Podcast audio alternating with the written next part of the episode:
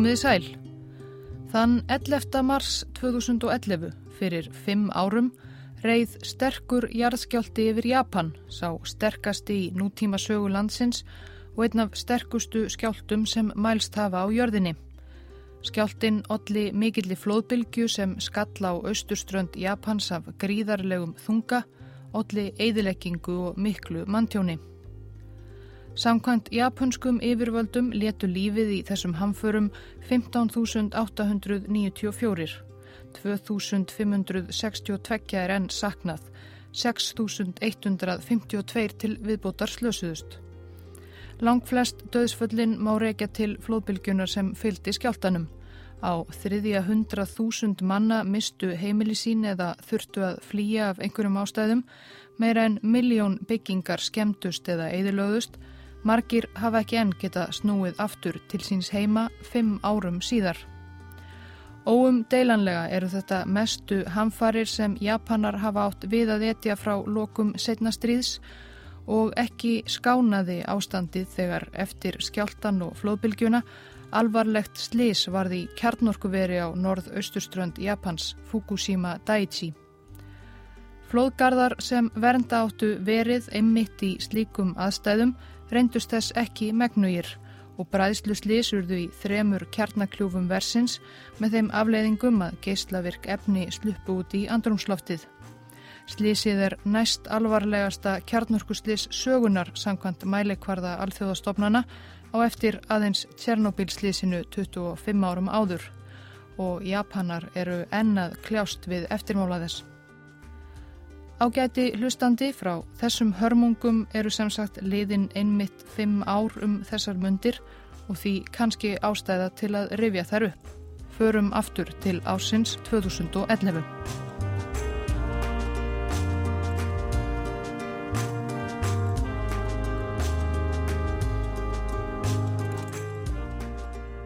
Það er förstudagur og fundur hjá efrideild japanska þingsins í þinghúsinu í Tókjó Klukkan er 14 mínutur gengin í þrjú þegar jörðin byrjar að skjálfa.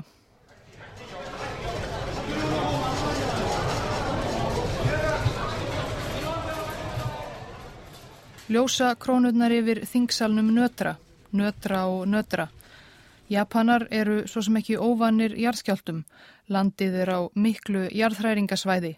Það verða á annað þúsund skjálta þar á hverju ári. Flestir þeirra auðvitað frekar veikir en sumir verða sterkir. Síðdeis förstu daginn 11. mars 2011 fara þingmennir í efrideildinni fljótlega að ókýrast. Þessi jarðskjálti er sannarlega af sterkara tænu og hann varir líka óvenju lengi.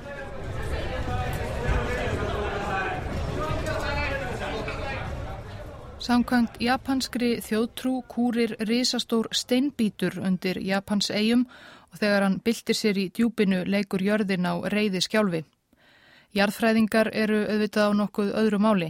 Japan leikur á hinnum svo kallaða eldring Kirrahafsins þar sem margir jarðskorpuflekar mætast með tilheyrandi jarðskjálta og eldvirkni. Þetta er eitt mesta jarðskjáltasvæði jarðarkringlunar. Þarna við eldringin verða um 90% allra jarðskjálta á jörðinni og einmitt við norð-austurströnd Japans gengur Kirrahafsflekin undir norður Ameríkuflekan.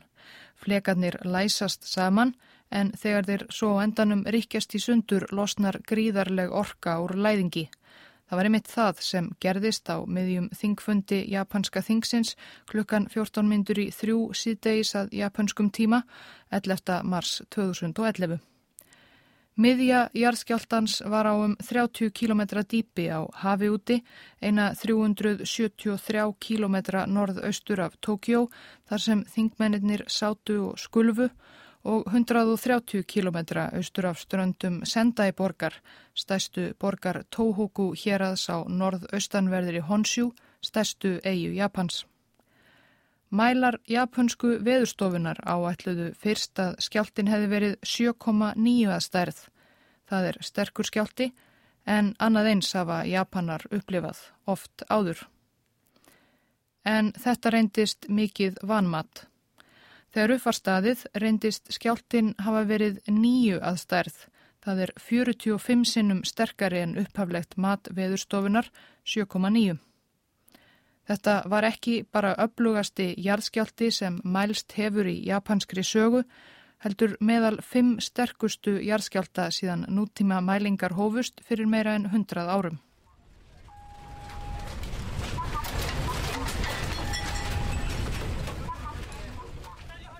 Japanar eru ekki óvanir jarðskjáltum sem sagt og hafa á síðustu árum byggt upp bæði upplugt og viðbaraðsfljótt viðvörunarkerfi kringum slíka atbyrði, eitt það allra besta í heimi. Um leið og skjáltans varð vart þann 11. mars fór allt kerfið á fullt. Viðvörunarsketi voru umsjöfalaust sendt út til sjúkrahúsa, skóla og annara stopnana á norðaustuströndinni þar sem áhrif skjáltans voru mest. Um allt píftu farsímar með nýjustu fregnum. Bara 90 sekundum eftir að skjáltans varð fyrst vart rauf ríkisjónvarpið NHK útsendingu sína með skilabóðum til almennings. 緊急地震速報です。強い揺れに警戒してください。緊急地震速報です。強い揺れに警戒してください。Á meðan helt jörðin áfram að nötra. Skjáltin var ekki bara öflugur, heldur stóðan mjög lengi. Helt áfram í rúmar þrjár mínútur. Það er hansi langur tími. Á upptöku úr þingútsendingu NHK má sjá hversu forviða þingmennir í efrideldinni verða þegar húsið virðist aldrei ætla að hætta að nötra og ljósakrónurnar að sveiplast. Í salnum er meðal annars fórsætisráð þeirra Japans Naoto Kan.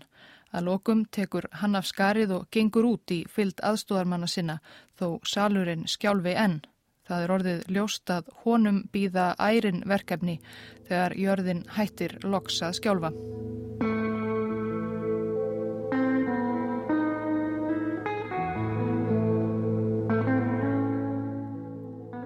Skjáltamiðjan var nærri 400 km frá japansku höfuborginni en enguða síður urðu íbúar Tókjó vel varir við skjáltan.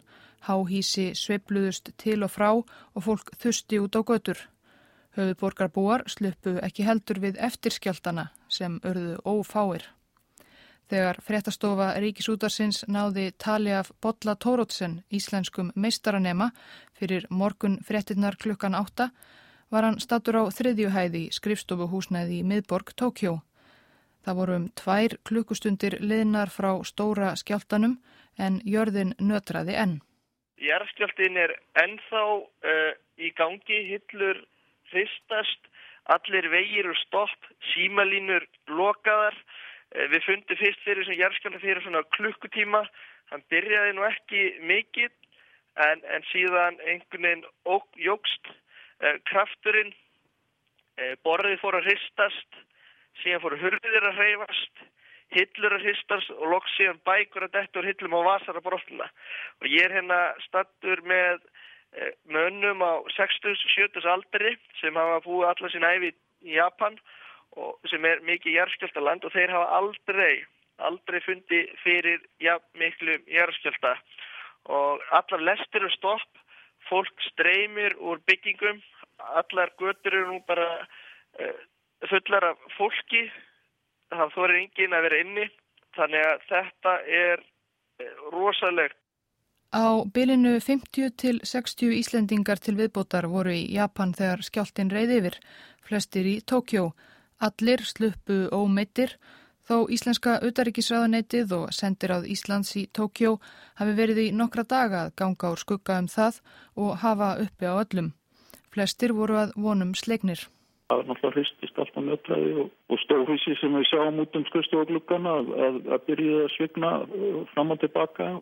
Stefán Lárus Stefánsson er sendiherra í Tókjó maður svona verður frekar lítill í sér þegar, þegar þetta, þetta, þetta fer, í, fer yfir sko, þegar maður er ekkert að sjá, ekkert að, að skimja sko hvert hann er raun og verið að fara sko. Það hafa nú komið margir stjáltarnir yfir hérna í Japan og meðan ég er búið hérna í síðustu 8 árin.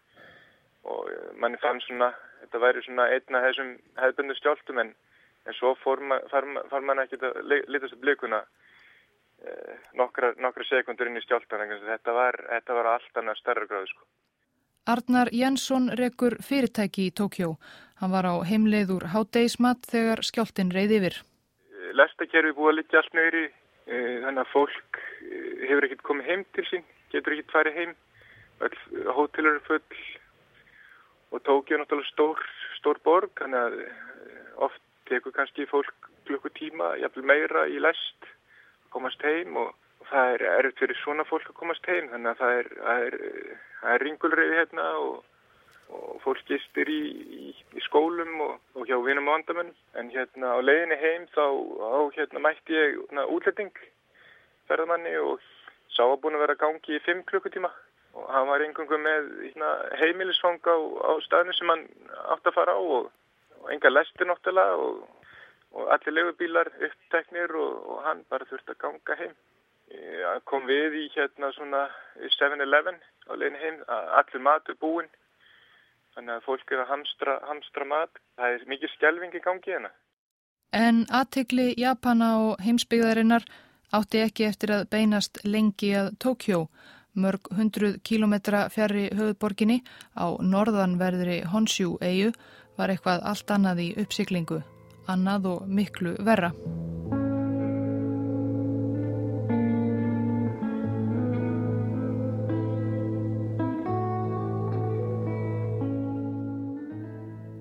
Svo að Japanar hafi líklega eina verstu reynslu allra þjóða heims af skadalegum áhrifum kjarnorkunar hafa japansk stjórnvöld lengi lagt áherslu á að notfæra sér hana enguða síður í friðsamlegum tilgangi til raforkuframleðslu. Í ársbyrjun 2011 sáu töyir kjarnorkuvera viðsvegarum landið Japanum fyrir 30% af rávorku þörfum þeirra og stefnan var að auka það hlutfall upp í 40% til minsta á allra næstu árum. Þetta var ekki óumdilt. Mörgum Japanum er illa við kjarnorku, kannski skiljanlega, og af og til bentu kjarnorku gaggrínendur líka á að kannski væri það ekki ráðlegt að land á þessum miklu jarðhræringaslóðum reyti sig á kjarnorku í svo miklu mæli. Kjarnorku slís er jú ekkert grín. Væri í raun og veru hægt að tryggja það, spurðu gaggrínendunir, að verin væri fullkomlega örug, að jafnvel í verstu náttúruhamförðum erðu engin slís. Japansk kjarnorku yfirvöld hafðu alla tíð staðhæft að, jú, verin þeirra væru fullkomlega örug. Auðvitað væru þau byggð með það í huga að það gætu orðið og myndu án efa verða jarðskjáltar í nákvæmni þeirra. Þau myndu standast allt slíkt. Ekkert væri að óttast. En hver býst í raun og veru við jarðskjálta upp á nýju, upplugri en nokkuð sem sést hefur áður? og það þarf heldur ekki að liggja lengi yfir kjarnorkusögu Japans til að sjá að þrátt fyrir allt er yfirvöldum ekki alveg alltaf treystandi í þessum málaflokki. Til dæmis, árið 2007 reið jarðskjálti af stærðinni 6,6 yfir aðeins 19 kilometra frá Kashiwasaki Kariwa kjarnorkuverinu í Niigata á vestuströndinni. Slögt var á verinu eftir það og við skoðun komu í ljós skemdir og gallar á örgiskerfum sem gerðu það verkum að ekki var talið örugt að kveikja á því aftur fyrir næstum tveimur árum síðar. Alþjóða kjarnorkumálastofnunin fylgdist náið með gangi mála í Kashiwasaki Kariwa verinu eftir fremsta megni, ekki að ástæðu lausu. Á tíunda áratug síðustu aldar höfðu japonsk kjarnorku yfirvöld ítrekkað orðið uppvísa því að reyna að þakka niður og fegra frásagnir af bílunum og slísum í kjarnorkuverum landsins. Annadæmi, árið 1995 lag natrium úr kjarnakljúfi í Monju á vestustöndinni. Þá voru skýslur um málið falsaðar og upptökur úr örgismyndavilum kliftar til þegar loks komst upp um svindlið var það síst til að auka trú japansks almennings á ágæti kjarnorkunar. En síðdeis á förstu deginum 11. mars 2011 virtist öryggiskerfið í kjarnorkuverinu Fukushima Daiichi virka alveg eins og það átti að gera. Verið er eitt af þeim stærstu í Japan, byggt í lok 7. áratögar síðustu aldar. Það er um 230 km norðu vestur af Tókjó við austuströndina mitt á meilli tvekja smábæja, Okuma og Futaba og nefnt eftir Fukushima héradi sem það tilherir. Það er um 75 kílometra frá miðju jarðskjáltans sem varð klukkan 14 myndur í þrjú síðdeis þennan förstudag. Hamfara viðvörunarkerfi versins nam skjáltan um leið og örfáum sekundum síðar byrjuðu kjarnakljúvatnir í verinu sjálfkrafa að slökva á sér, alveg eins og átti að gerast í þessum aðstæðum. Það eru sex kjarnakljúvar í Fukushima Daiichi en aðeins þrýr voru í gangi, nummer 1, 2 og 3. Slögt var á hinum þremur vegna viðhalds. Um tveimur mínútum eftir að skjáltin reyði yfir, klukkan 12 mínútur í þrjú, höfðu allir þrýr kljúvatnir slögt á sér og byrjuðu að kæla sig niður. Þegar jörðin var svo hægt að skjálfa, en einni mínútunni síðar, söpnuðust starfsmenn Fukushima Daiichi versins saman á bílastæðinu fyrir framann aðalbyggingu versins. Allir voru á sínum stað. Neiðar stjórnarteimi kom sér fyrir í sérstakri jarðskjáltaheldri byggingu, liðsmenn þess gengu fljóttur skugga um að viðvörunakerfið hafði staðið sína plikt. Það var slögt á öllum opnum, kælikerfin voru komin í gang. Allt hafði virkað eins og það átti að gera. Starsmennir sem enn byðu út á bílastæði önduðu eflust léttar. En þarna voru hamfarinnar auðvita bara rétt að byrja.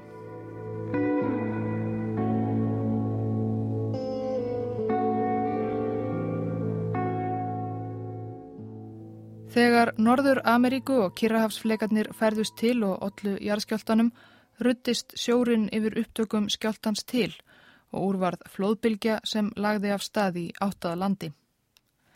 Líkt og Japanar eru ekki óvanir jarðskjáltum er þeir ekki óvanir flóðbylgjunum sem gerðnan fylgja þeim. Þegar ennskumælandi tala um flóðbylgju í kjölfar neðansjávar jarðskjálta tala þeir gerðnan um tsunami en það er mitt japanst orð.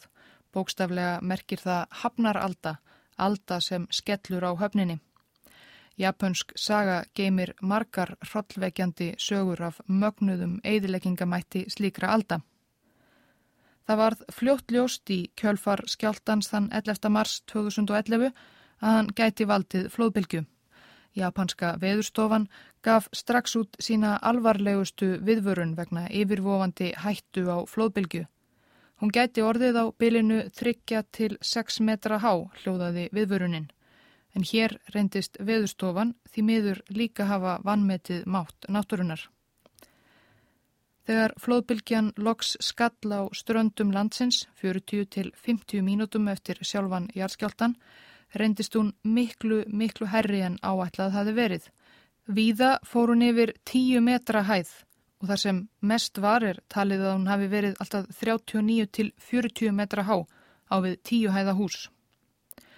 Frettamyndatökumadur Ríkisjóansins NHK í Sendai, stærstu borg í Tóhóku héræði, hafi stokkið upp í þyrlu á flúvelli borgarinnar um leið og jarðskjáltans varð vart. Tökumannin grunaði það eflust ekki þá en þessi þyrla hans varð síðasta farartækið sem tókst á loft frá Sendai flúvelli í nokkutn tíma. Um klukkustund eftir skjáltan ringsólaði þyrlan enni vir fljóðellinum og náði þá fyrstu myndunum af vassflauminum ná landi.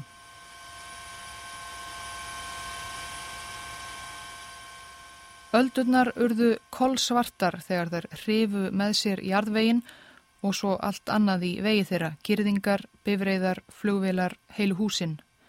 Á vegi skamt frá fljóðellinum var röð af bílum Ökumennir gáfu í, stigu eflaust eins fast á bensingjöfina og þeim var und í vonum að flýja sótsvarta ölduna.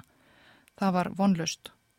Úr þyrlunni festi myndatökumadur NHK það á filmu hvernig aldan náði loks bílaröðinni og bílarnir hurfu einn af öðrum í djúpið.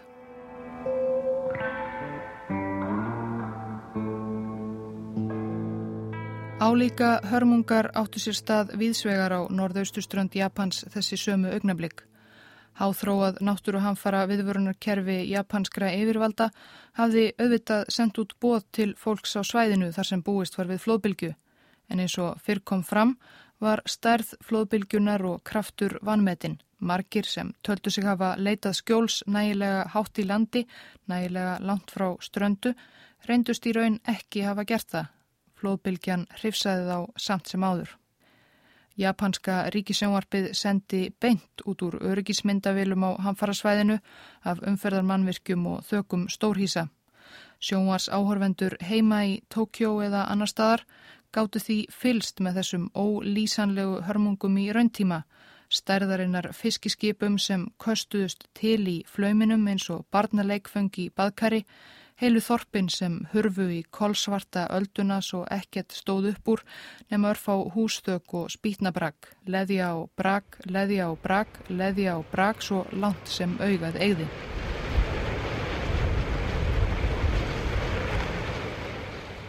Það var náttúrulega alveg ræðilegt að fylgjast með þessu í bytni útsendíku.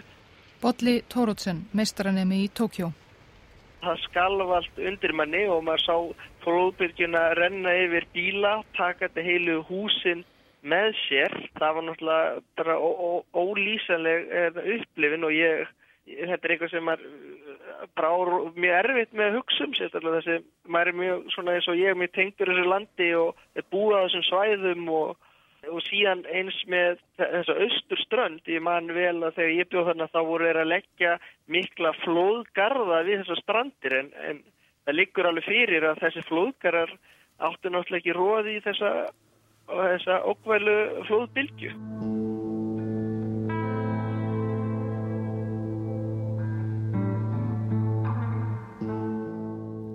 Ramagn fór víða af þegar jarðskjáltin reyði yfir líka í Fukushima Daiichi kjarnorkuverinu.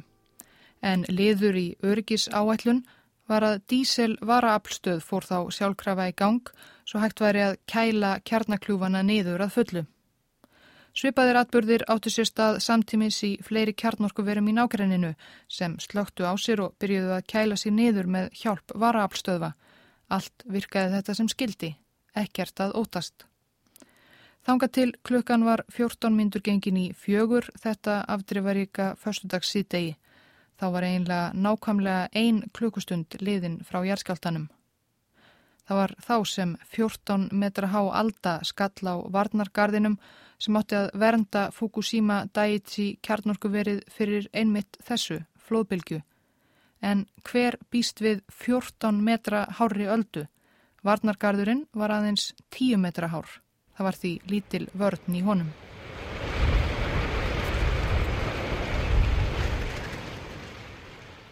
Fukushima Daiichi verið tegir sig yfir næri fjögura ferkilometra svæði við ströndina og nú flætti kolsvartur sjórin yfir það allt. Vara aflstöðvarnar fóru á bóla kaf, eldsneitistangar þeirra sópuðust í burtu. Allt afl var farið af verinu. Kælikerfi kljúfana þryggja stöðuðust. Þetta voru aðstæður sem enginn hafði heldur gert sér í hugarlund að allt verið geti orðið alveg aflaust hver einasti kjarnakljúfur og allar varaaflstöðvar. Og þar að auki hafði jú sögulegur jarðskjálti riðið yfir og heiminhá flóðbylgja skollið á verinu og starfsmenn fálmuðu bókstaflega í myrkri hafðu enga leið til þess að aðtuga hvort að skemdir hefðu orðið á sjálfum kjarnakljúfunum eða hvað væri einlega á segði inni í þeim. Í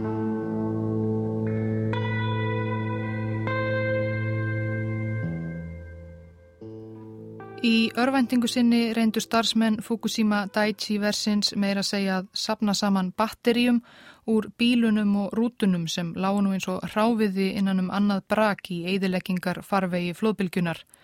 Ef til vill getur þeir klastrað saman úr þeim einhvers konar aflstöð en það gekk erfiðlega og myrkur var að skella á.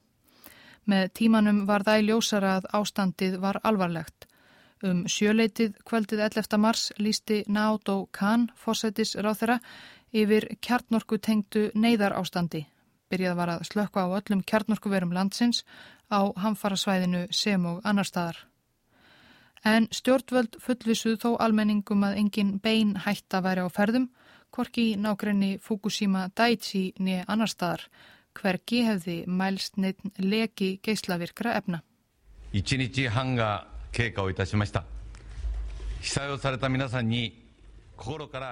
Af örgis ástæðum var þó ákveðið að rýma þryggja ferkilometra svæði kringum Fukushima Daiichi verið þegar leið á kvöldið. Í búum í bæjunum Futaba og Okuma í nákrenni versins var skipað að hafa sig á brott til fyrsta. Bæirnir voru við ströndina og höfðu orðið illa úti í flóðbylgjunni. Markir bæjarbúar voru ennað leita eigna sinna eða þá tindra ástvinna í rústunum. Nú þurftu þeir að flýta sér burt.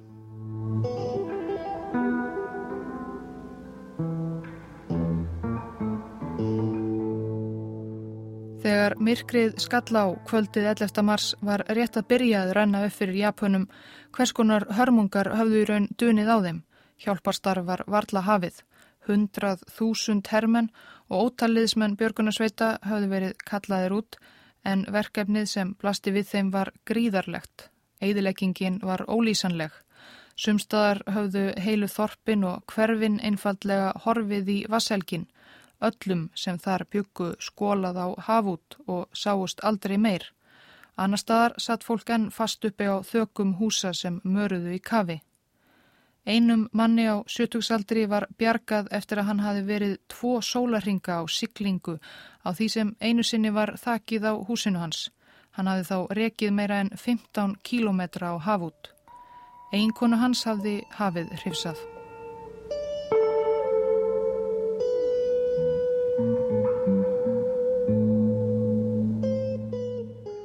12. mars, dagurinn eftir hamfarinnar miklu. Það voru enn eftir skjáltar, svo tíðir að þeir urðu næstum því hverstagsleir. Árni Kristjánsson, meistaranemi í Tókjó, var tekinn tali í kvöldfréttum útvars 12. mars. Til dæmis að, að veist, við erum konum í sem búum í húsum hérna heima þá erum við vasklas á borðinu sem, sem við lítum á eða sagt, að horfa ljósakrónuna sem hengur á loftinu til þess að sjá hvort það sé jáskjald í gangi til því að þegar járskjaldin eru með svona miklum, þegar svo margir járskjaldi gerast þá er maður svona halvpartinn getur maður svona, fundið sér svo þessi járskjaldi gangi, menn er ekki járskjaldi gangi. Og í Fukushima Daiichi kjarnorkuverinu heldur starfsmenn áfram að reyna að koma í vekk fyrir stórslis. Þeirra barátta var bara rétt að byrja. En var óvíst hvernig var umhorfs inni í kjarnakljúfunum, hvort einhverjar skemdir hefðu orðið í skjáltanum eða flóðbylgjunni og þá hversu alvarlegar. Kælikerfi þeirra voru enn óvirk og án þeirra var ljóstað mikil hætta var á að kljúvatnir myndu ofitna og afleðingar þess getu vel orðið skerfilegar. Klukkan 6 mínútur yfir hálf fjögur síðdeis um sólarring eftir að flóðbylgjan skall á kjarnorkuverinu hvað svo við mikil sprenging í Fukushima Daiichi.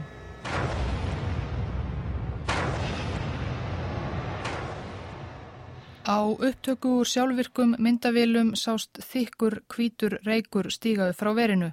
Starsmenn á vettvangi heldur fyrstum sinn að annar sterkur jarðskjálti hefði orðið og vissu ekki sitt rjúkandi ráð þegar ljóst var að eitthvað hafi sprungið, hvað var einlega á seiði. Síðar kom í ljósað vettnisbrenging hafi orðið í byggingunni sem hýsti kjarnakljúf nr. 1. Kljúfurinn sjálfur virtist ekki hafa skemst en fjórir starfsmenn versins slösuðust.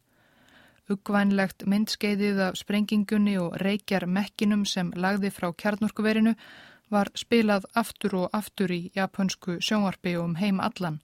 Öllum var nú ljóst að eitthvað mikið var að í Fukushima Daiichi. Þetta var uppafið að margra daga baráttu starfsmanna Fukushima Daiichi við aðstæður sem sífældurðu verri og verri. Mánudaginn 14. mars varð önnur vettnisprenging í verinu Í þetta sinn í byggingunni umhverfis kjarnakljúf 3 og sex starfsmenn slösuðust. Fleiri sprengingar fyldu daginn eftir og miðugudaginn 16. mars braust út eldur í fjörða kjarnakljúf versins. Enn og aftur fyldist alþjóð með því beitni útsendingu og með öndina í hálsinum hvernig reykurinn steig upp úr törnum Fukushima Daiichi kjarnorkuversins á norð-austurströnd Japans. Það var löngu orðið ljóst þá að geislavirk efni höfðu losnaður læðingi við öll þessi ósköp.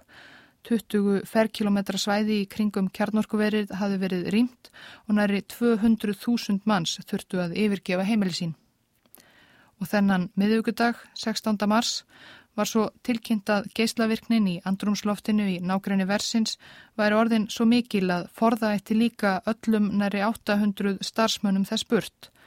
Það er öllum nema um 50 sem urðu eftir og fengu það verkefni að reyna að halda áfram að kæla kjarnakljúfana við þessar erfiðu og lífshættulegu aðstæður. Fukushima 50 hafa þessir starfsmenn verið kallaðir síðan, þó raunar hafi síðar bæst í hóp þeirra, bæði kjarnorku sérfræðingar, verkfræðingar og slökkulismenn. Án Eva voru margir meðal þeirra sem ekki áttuðu sig á hættunni sem þeir voru að leggja úti eða vinnuveitundur þeirra voru að leggja þá í, það er að segja. En svo voru margir sjálfbúðaliðar sem buðust til þess að fórna lífi sínu í vonum að koma í veg fyrir frekara stórslis. Oftar en ekki voru þessir sjálfbúðalegar eldri kartmenn, gamlir verkfræðingar og aðrir kjarnorku sérfræðingar sem nú rann blóðið til skildunar. Skiptir ekki svo miklu máli þó ég fái krabbamein eftir nokkur ár vegna geislavirkninar, sögðu þessir karlar og yftu aukslum. Ég fæ það hvort sem er. Næstu daga unnu þessir fórtfúsu starfsmenn og sjálfbúðalegar baki brotnu við að gera við dælur og pípur, skriðu í gegnum myrkvuð völundarhús kjarnorkuversins í íþingjandi hlýfðarbúningum með öndunarbúnað og súrefnistanka eins og kavarar í djúpsæfi.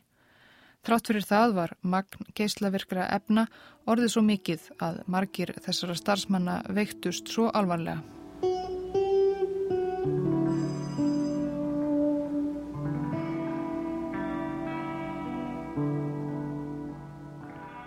Það var eitt örþrifar áð sem hægt var að grípa til til að kæla kjarnakljúfana, að dæla á þá sjó sem vantaði sannarlega ekki við japansku strandlengjuna dagana eftir flóðbylgjuna. En að dæla sjó á kjarnakljúf eidilegur hann er öruglega alveg. Eftir að slíku örþrifar áði er beitt er lítil von til þess að hann verði nokkuð tíman starfhæfur aftur. Forstuðumadur Fukushima Daiichi, maður að nafni Masao Yoshida, Mata svo klukkan 7 kvöldi þess 12. mars, þremur og halvri klukkustund eftir fyrstu sprenginguna í verinu, að ástandið væri orðið svo alvarlegt að dæla eitti sjó á kljúfana. 25 mínútum síðar bárust Masao Yoshida skilaboð frá Tókjó úr höfðustöðum TEPCO, raforku fyrirtækis Tókjó, sem átti og rak Fukushima Daiichi verið og tvö kjarnorku verið til viðbótar. Skipaðu mönnum þínum að hætta umsveifalaust að dæla sjó á kjarnakljúfana, hljóðuðu skilabóðin frá Tókjó. Þar á bæi, meira en 200 km fjarlægð, mátum en aðstæður ekki svo að tilefni væri til þess að grípa til örþrifaráðs og eidilegja jáframt þessa fínu rándýru kjarnakljúfa. Hafandi fengið þessi skilabóð frá yfirmönnum sínum í höfuborginni, ávarpaði Masao Yoshida undirmenn sína sem stóðu sveittir og dældu köldum sjó á sí hittnandi kjarnakljúfin. Ég mun nú skip ykkur að hætta að dæla sjónum, sagðan, en ekki hlusta á mig, bætt hann við, ekki hætta að dæla. Síðar þetta kvöld fyrirskipaði japanski fórsættisáþurann Naoto Kan að allt skildi gert til að koma í veg fyrir kjarnorkuslis í Fukushima Daiichi. Þar á meðal að dæla sjó á kjarnakljúfana. Raforku fyrirtækið TEPCO gatt þá ekki lengur maldaði móin en Masao Yoshida var einhverja síður formlega ávítaður fyrir að óhlýðinast yfirmönnum sínum. Síðar komuðu þetta í ljósað snarræði hans og meint óhlýðni hafði að öllum líkindum bjargað miklu og komið í veg fyrir að Fukushima Daiichi slísið erði miklu, miklu verra en það varð. Masao Yoshida lést úr krabbameini í Barka árið 2013 aðeins 58 ára gamal en fullirti fram í það síðasta að engin tengsl væri á milli meinsins og geislavirkninar sem hann varð á nefa fyrir í Fukushima.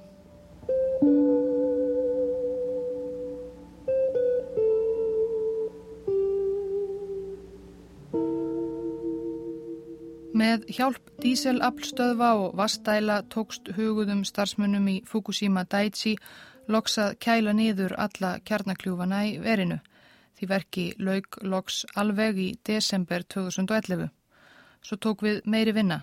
Undanfærin árhafa mörg þúsund manns unniða því hörðum höndum í Fukushima Daiichi þrátt fyrir mikla geislavirkni að byggja varnarmúra og koma í veg fyrir að geislavirt vatn úr verinu leggi út í sjó eða berist út í náttúruna. Geislavirkur jarðvegur hrannast upp í svörtum ruslapókum í nágrenninu. Fimm ár eru stuttur tími á mælikvarða kjarnorkunar, í raun ekki nema augnablík.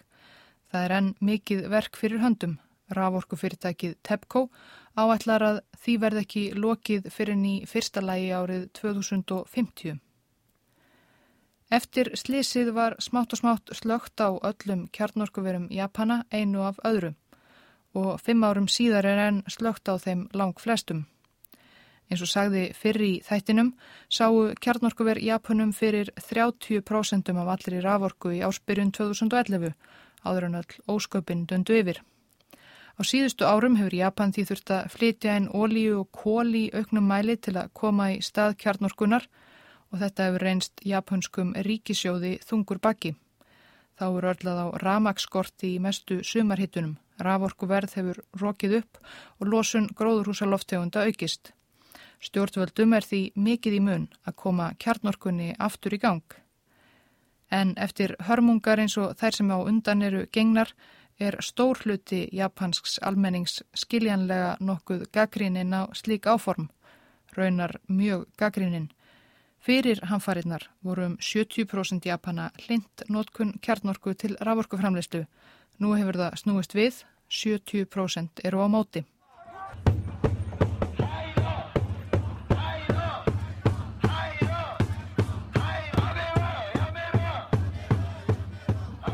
Síðustu misseri hefur verið mótmælt fjölment og af krafti í Tókjó og fleiri japanskum borgum hvenar sem stjórnvöld viðrað þá skoðun að kveikja eitt aftur á kjarnorkuverum landsins að minnstakosti einhverjum.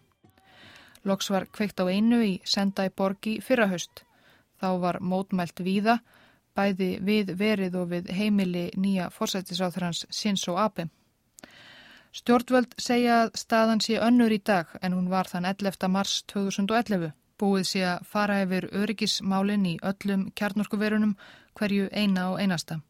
Hækka flóðavarnagarða, styrkja hlýðarbyggingar, fara yfir öll ferli og svo framvegs. Gaggrínendur segja þetta kunnulegan söng. Það hafi áður orðið kjarnorkuslýs í Japan eins og við heyrðum lítilega af hér fyrir þættinum og alltaf hafi yfirvöld og raforku fyrirtækin lofað bót og betrun og auknum öryggiskröfum. Það hafi þó ekki komið í vekk fyrir að allt fór úrskeiðis í Fukushima Daiichi í kjölfar náttúruhanfarana.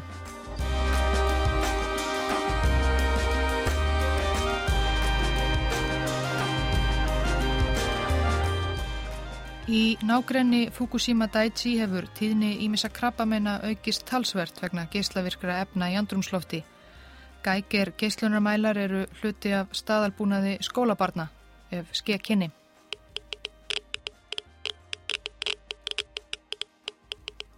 Enn er stórt svæði í kringum kjarnorkuverið mannlaust, einskismannsland. Tökþúsundir hafa ekki enn fengið að snúa aftur til síns heima í bæinum í grend við verið og hafast við í húsnæði sem átti að verða tímabundið. Og alls óvist hvenar eða hvort þau fá nokkuð tíman að snúa heim. Íbúar draugabæjana Fútaba og Ókúma mega þessa dagana fara á fyrri heimili sín en aðeins í 5 klukkustundir á dag í allra mesta lægi. En alls ekki allir vilja notfæra sér það tækifæri.